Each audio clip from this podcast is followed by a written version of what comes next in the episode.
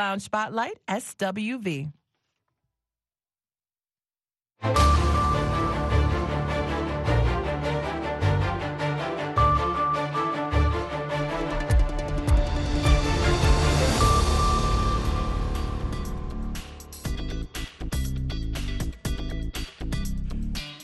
Halkani waa washington laanta af soomaaliga ee v o a oo aad si toosa uga dhagaysanaysaan mowjadaha gaagaaban efemyada geeska afrika iyo caalamkan oo dhan nagala socotaan boggayaga v o a somali com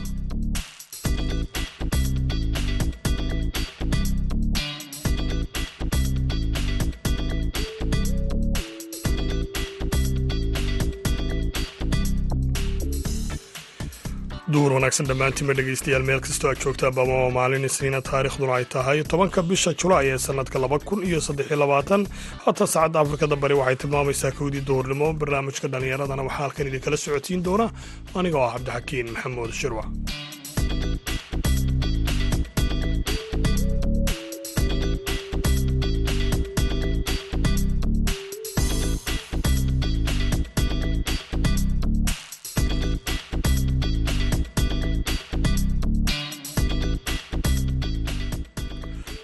qodobada aad ku maqli doontaan idaacadda duurnimo ee barnaamijka dhallinyarada maantana waxaa ka mid ah urur ay leeyihiin haweenka suxufiyiinta ah oo tababar loogu qabtay magaalada beledweyne. Rajeynayaa tababar horta noocan oo kale ah weli ana maana ka qayb gelin. Waxaan rajeynayaa in tababarkan aan ugu faa'iideyn doono waxyaabaha ka bartay wariyaasha kale ay ku sugan beledweyn ee aan nasiib ku yeelanin sidoo kale waxaad maqli doontaan arday bartay culumta caafimaadka oo loo soo jeediyo inay aqoontooda bulshada kala gaadhsiiyaan iyo weliba qodobo kale ayaad dhegaystayaal maqli doontaan hase yeeshee marka hore ku soo dhowaada qodobadii wararka adduunka ugu waaweynah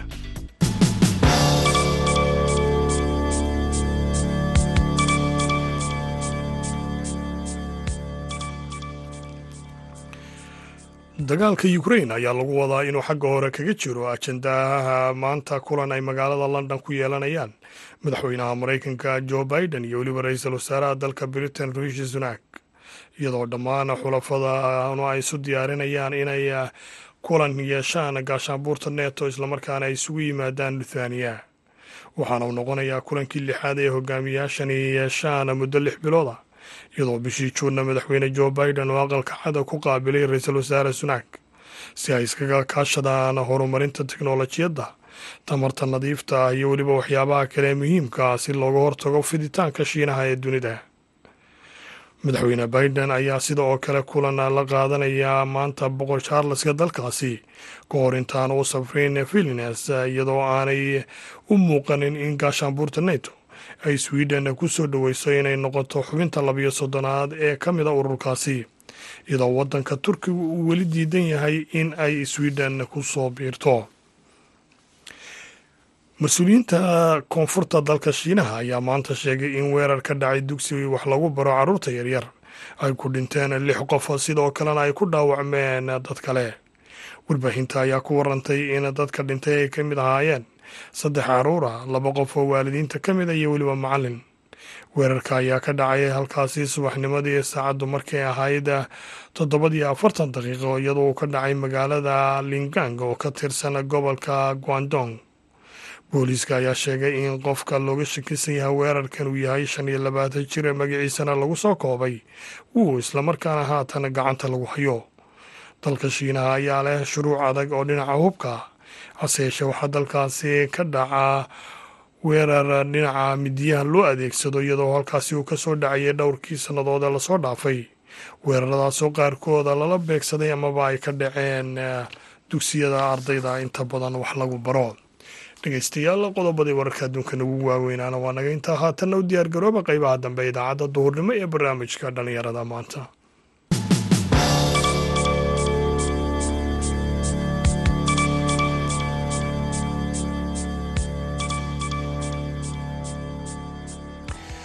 mar kale ayaan dhammaantiin ba idi leeyahay duhur wacana wanaagsan meel kastoo aad joogtaanba. Aan ku bilownay urur ay leeyihiin suxufiyiinta haweenka ayaa magaalada beledweyne loogu qabtay. Tababara la xidhiidha xirfadooda wariyayaga xuseen xasan dhaqane ayaa warbixintaani halkaasi nooga soo diray. Ururka gabdhaha suxufiyiinta soomaaliyeed ayaa magaalada beledweyn ka dahfuray tababar ku saabsan tiraaya bixinta wariyaasha iyo habtabinta sheekooyin miisaaman tababarka oo socon doona muddo saddex maalin ah ayaa waxaa ka faa'iideysanaya ilaa soddon wariye oo ka kala yimid degmooyinka gobolka hiiraan axmed cabdi ciinab oo ka mid ah macalimiinta tababarka bixinaya ayaa waxa uu ka waramayaa ahmiyadda tababarka uu leeyahay wariyaasha gobolka. Tababarka waxaa iska leh oo qabanaysaa hay'adda ama ururka gabdhaha wariyaasha soomaaliyeed loo yaqaano s w j o. Wuxuu ku saabsan yahay tiiraayo bixinta wariyaasha. Waxaan ognahay soomaaliya waa waddan xasrado badan ka jiraan.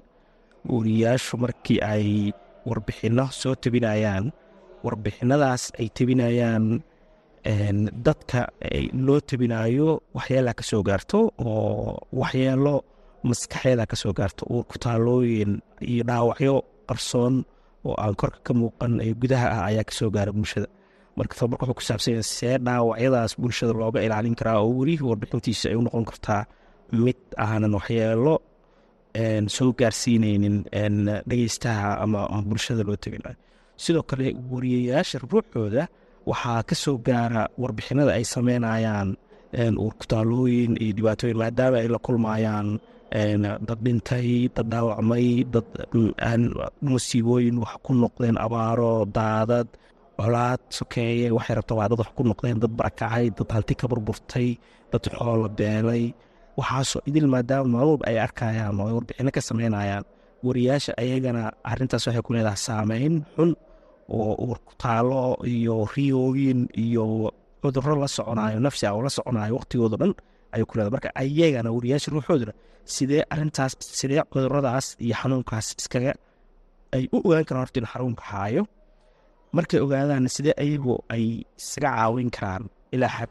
Wariyaasha hadda halkan buladina ku tababareynaa waa soddon iyo dhowr wariyaa ku tababareynaa marka dhammaantood gobollada waxay ka yimaadeen degmooyinka gobolka hiiraan ay ka kala yimaadeen. Waa wariyaal active ah dhammaantooda sida ay uga qaybgalayaan iyo dabcan.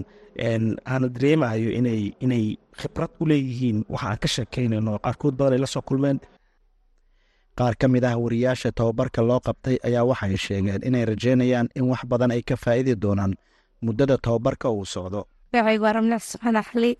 Waxaa maanta ka soo qeybgalay tababar ay qabanaysa ururka gabdhaha suxufiyiinta soomaaliyeed. Tababarkan waxauu socon doonaa muddo saddex maalin ah. Waxaana looga hadlayay tiirayo bixinta ku dhaca qofka wariyaha ah iyo sidoo kale dhibaatooyinka ay la kulmaan waxaa rajeynayaa tababar horta noocan oo kale ah weli. Maanan lagu qabanin gobolka ana maanan ka qeybgelin waxaa rajeynayaa in tababarkan aan ugu faa'iideyn doono waxyaabaha ka bartay wariyaasha kale ay ku sugan beledweyn ee aan nasiib ku yeelanin. Magacayga iba cabdulaahi xuseen waxaan ka qaybgalay maanta tababar ay qabanaysa ururka saxafiyiinta gabdhaha soomaaliyeed. Tababarkaas oo laga hadlayay tiiraayan bixinta. Tababarki waa tababar noocan oo kale ugu horreeya magaalada laga qabto. Wax badan ka faa'iidinay insha allah waxaan rajeynaynaa saddex beri oo noo socdan in wax badan oo kale aan ka faa'iidi doono insha allah tababarkan maadaama saddex maalin inoo socon doona maanta waxaan ka fahmnay markaasi habka markaasi tawinta wararka iyo sida markaasi wariyaha uu u tawin karo warar xaqiiq ku salaysan iyo warar markaasi dhedhexaad ah iyo weliba warar isku soo dhoweyn kara dhinacyada khilaafka dhex jira iyo xiisadaha jira si markaasi loo xaliyo iyo khilaafaadka iyo sidoo kale markaasi tiraan bixinta wararka markaasi ku salaysan haddii markaasi dhacdo. Waa tababarkii ugu horreeyay noociisa ee loo qabto wariyaasha ka howlgala degmooyinka gobolka hiiraan waxaana wax badan ka bedeli doonaa aqoonta wariyaasha gobolka. Xuseen xasan dhaqane v o a beledweyne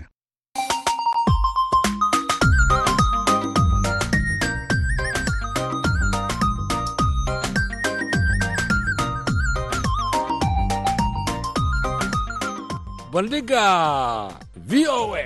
Barnaamijka bandhiga v o a waa barnaamij oo idinku tala gashay laanta af soomaaliga ee v o a. Bandhigga v o a waxaad khamiis walba kaga bogan kartaa qormooyin kala duwan oo la xidhiidha taariikhda iyo aqoonta guud dhaqaalaha sharciga iyo samafalka.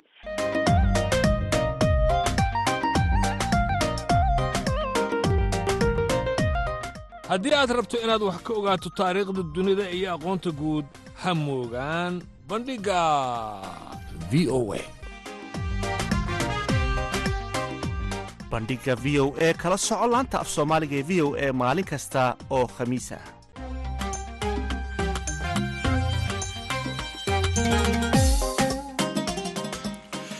wagaag dhegaystayaal shakooyin kale oo dhinaca arrimaha dhallinyarada la xidhiidha way noo soo socdaane. Haatan aynu ku wada nasanno dhinacii kaalmaha heesaha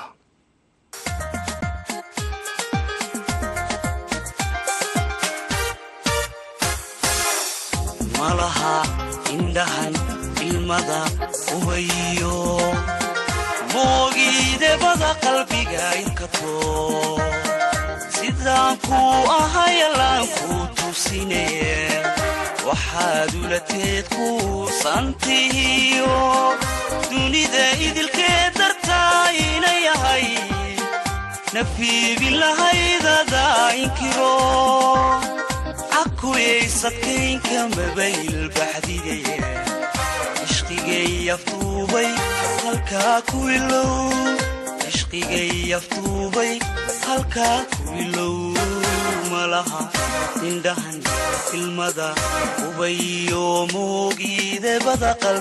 idkatee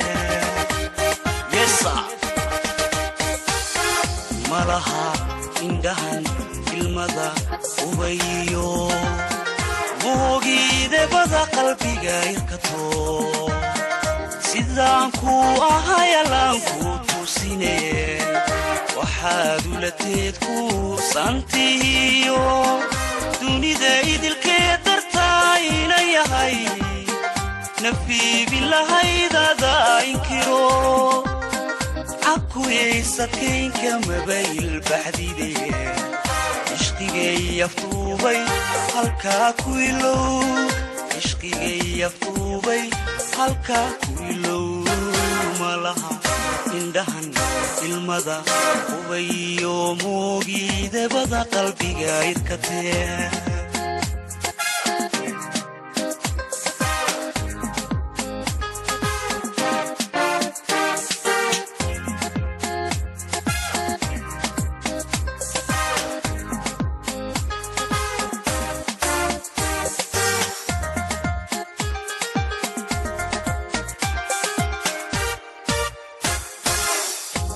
agtada haddaan shalay uu baxdhigay mantana urusho anaa aase. Maxaad uga oli halkaad kuu ordaysay? Jacayle barkeenay dhibcahaa ixtiraamka. Markuu omasdaaqay maxaad ugu oontay? Maxaad araggayga haddeer ugu oyday adoona fariirin markaaga adkayso albaabka wanaagu dhexdeenna ka awdan albaabka wanaagu dhexdeenna ka awdan agtada haddaan shalay uu baxdhigay maantana urusho wanaa aase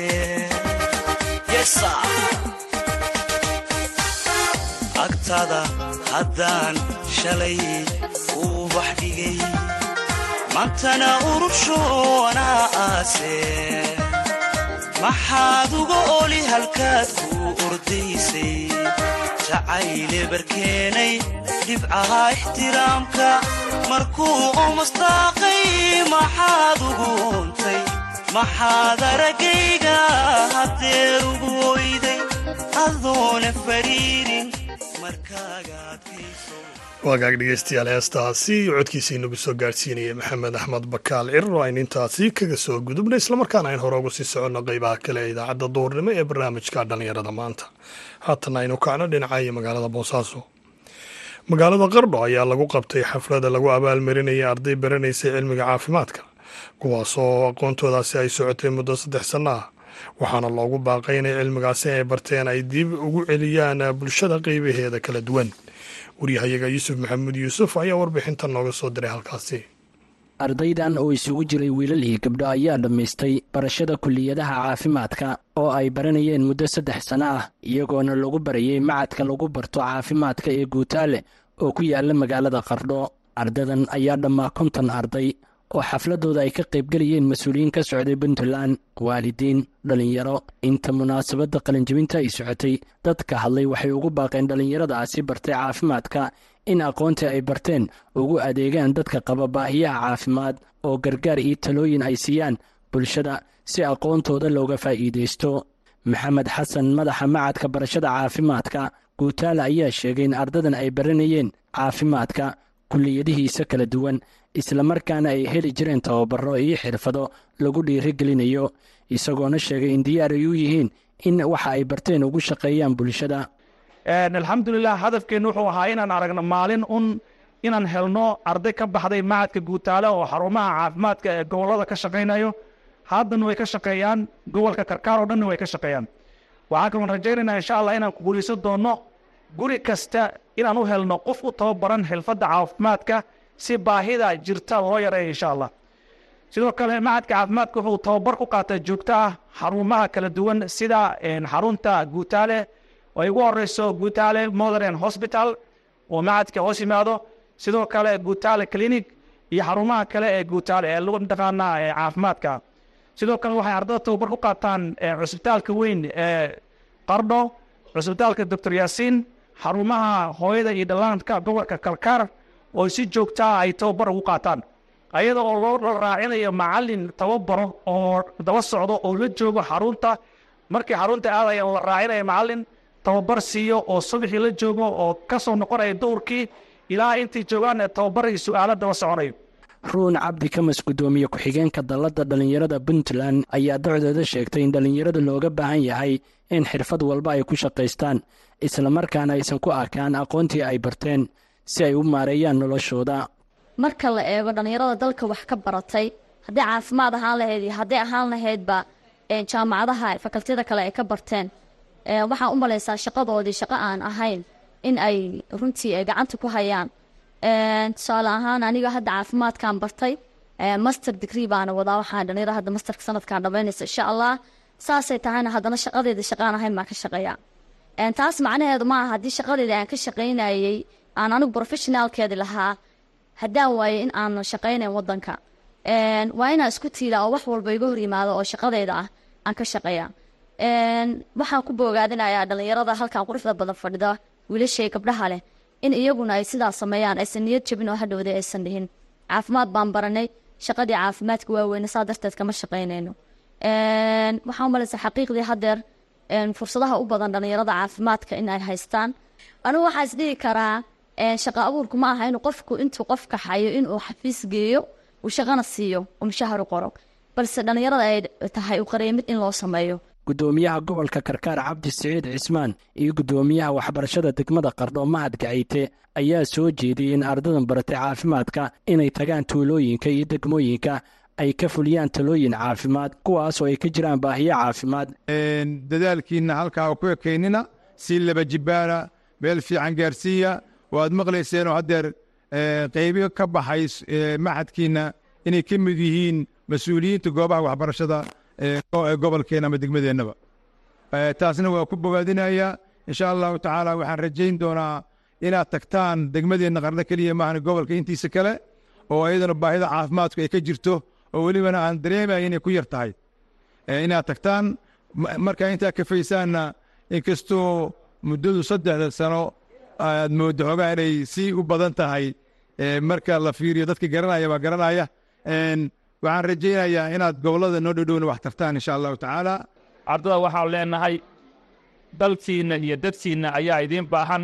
Insha allah waxaan rajaynaynaa macadka guutaale dadkii labadii dabcadood horey uga qali jebiyey waxaa la odhan karaa maanta soomaaliya oo dhan waa ka howlgalan puntland oo keliya maaha. Idinkana sidoo kale waxaa la rajayn doonaa inaad ka wada qayb qaadataan soomaaliya iyo meelo kale oo ka dheer insha allahu tacaala ayaa aad u rajaynaa waxaa runtii kale oo ku faraxsannahay soomaalidu waxay tiradaa la kala dheeray orodna maaha.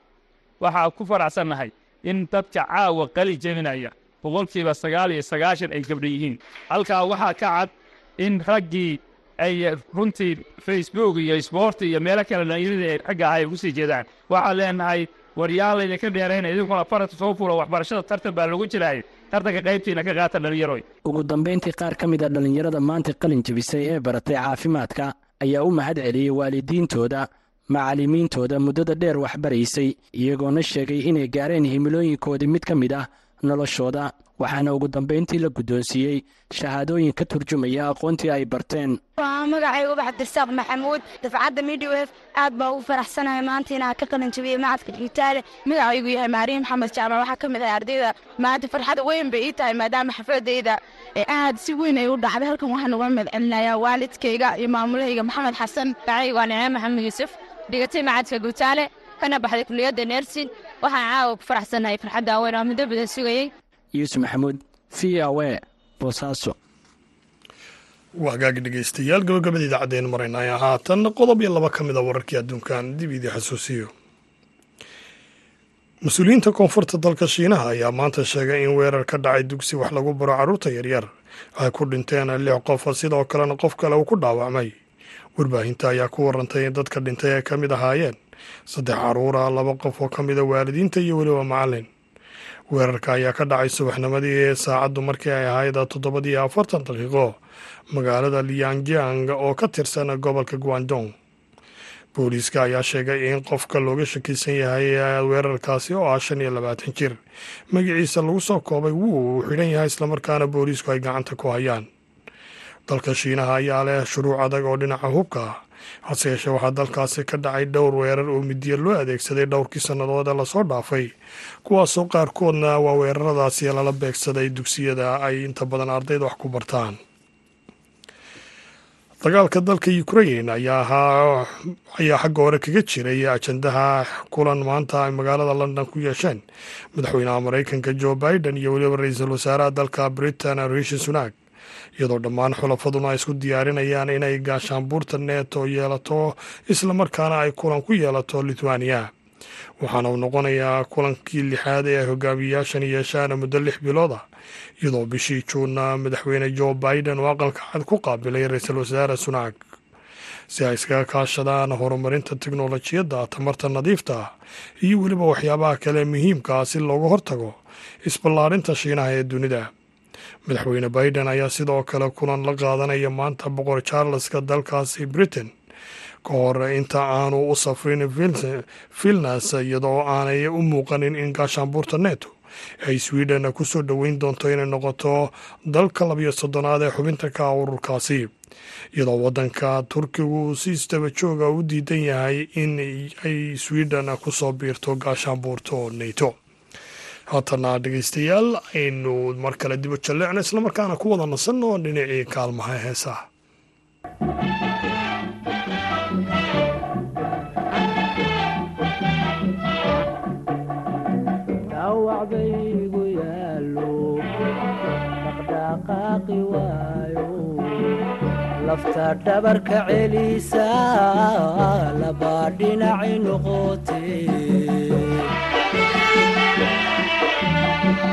dhawacbaygu yaalo dhaqdhaqaaqi waayo lafta dhabarka celisa labaa dhinaci noqote.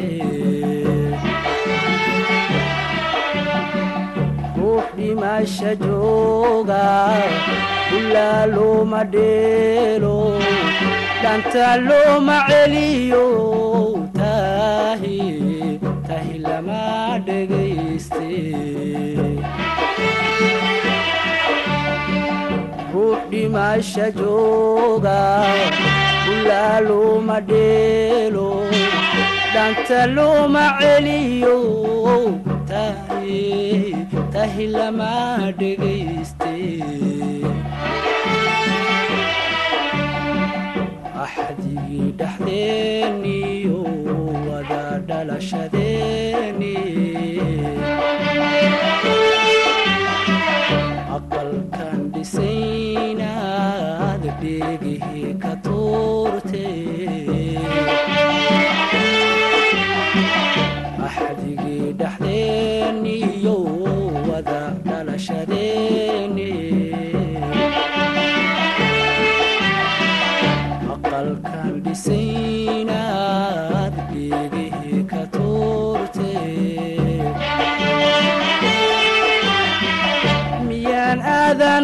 ka dhaleen xawo naaska ku dhigeen dhabta hooyo kugu qabaan. Miyaan aadan kuba dhaleen xawo naaska ku dhigeen dhabta hooyo kugu qabaan. Igadhuhu igadhowr igadhowr dhibaatada ragga laguma dheele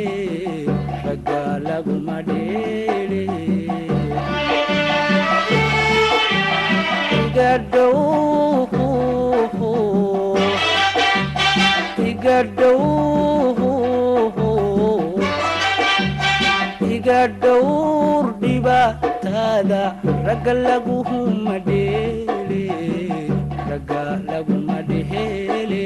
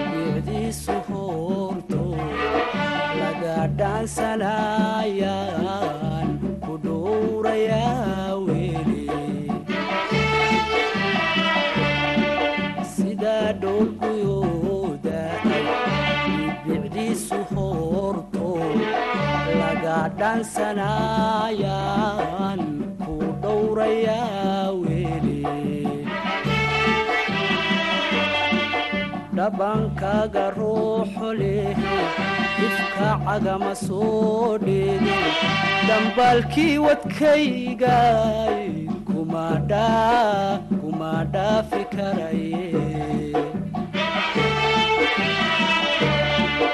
dhambankaaga ruuxo leh ifka cagama soo dheege dambaalkii wadkaygay kuma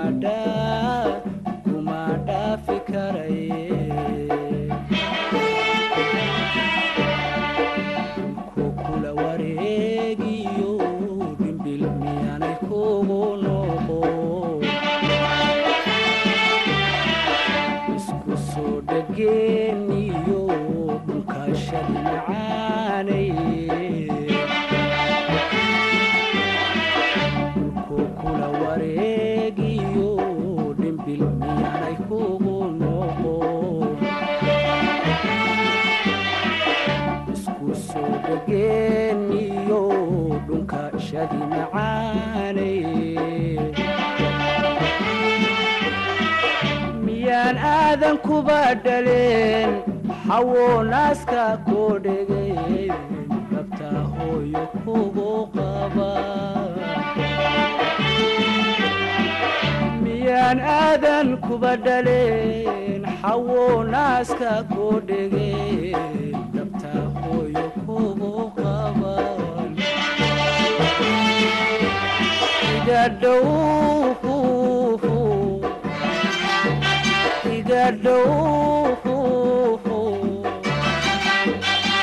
iga dhowr dhibaatadaha ragga laguma dheele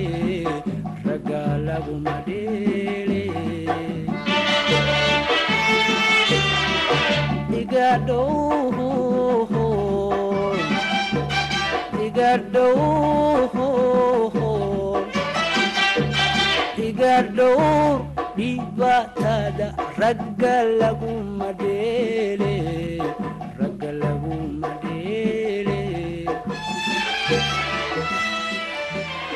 heestaasi dabacsan oo codkiisii lagu soo gaadhsiinaya cabdisalaada beer dilaashe ayaana dhegaystayaal ugu dambaysay idaacaddii duurnimo ee barnaamijka dhallinyarada maanta tan iyo kulanta dambe waxaan idin leeya saayo nabadgelyo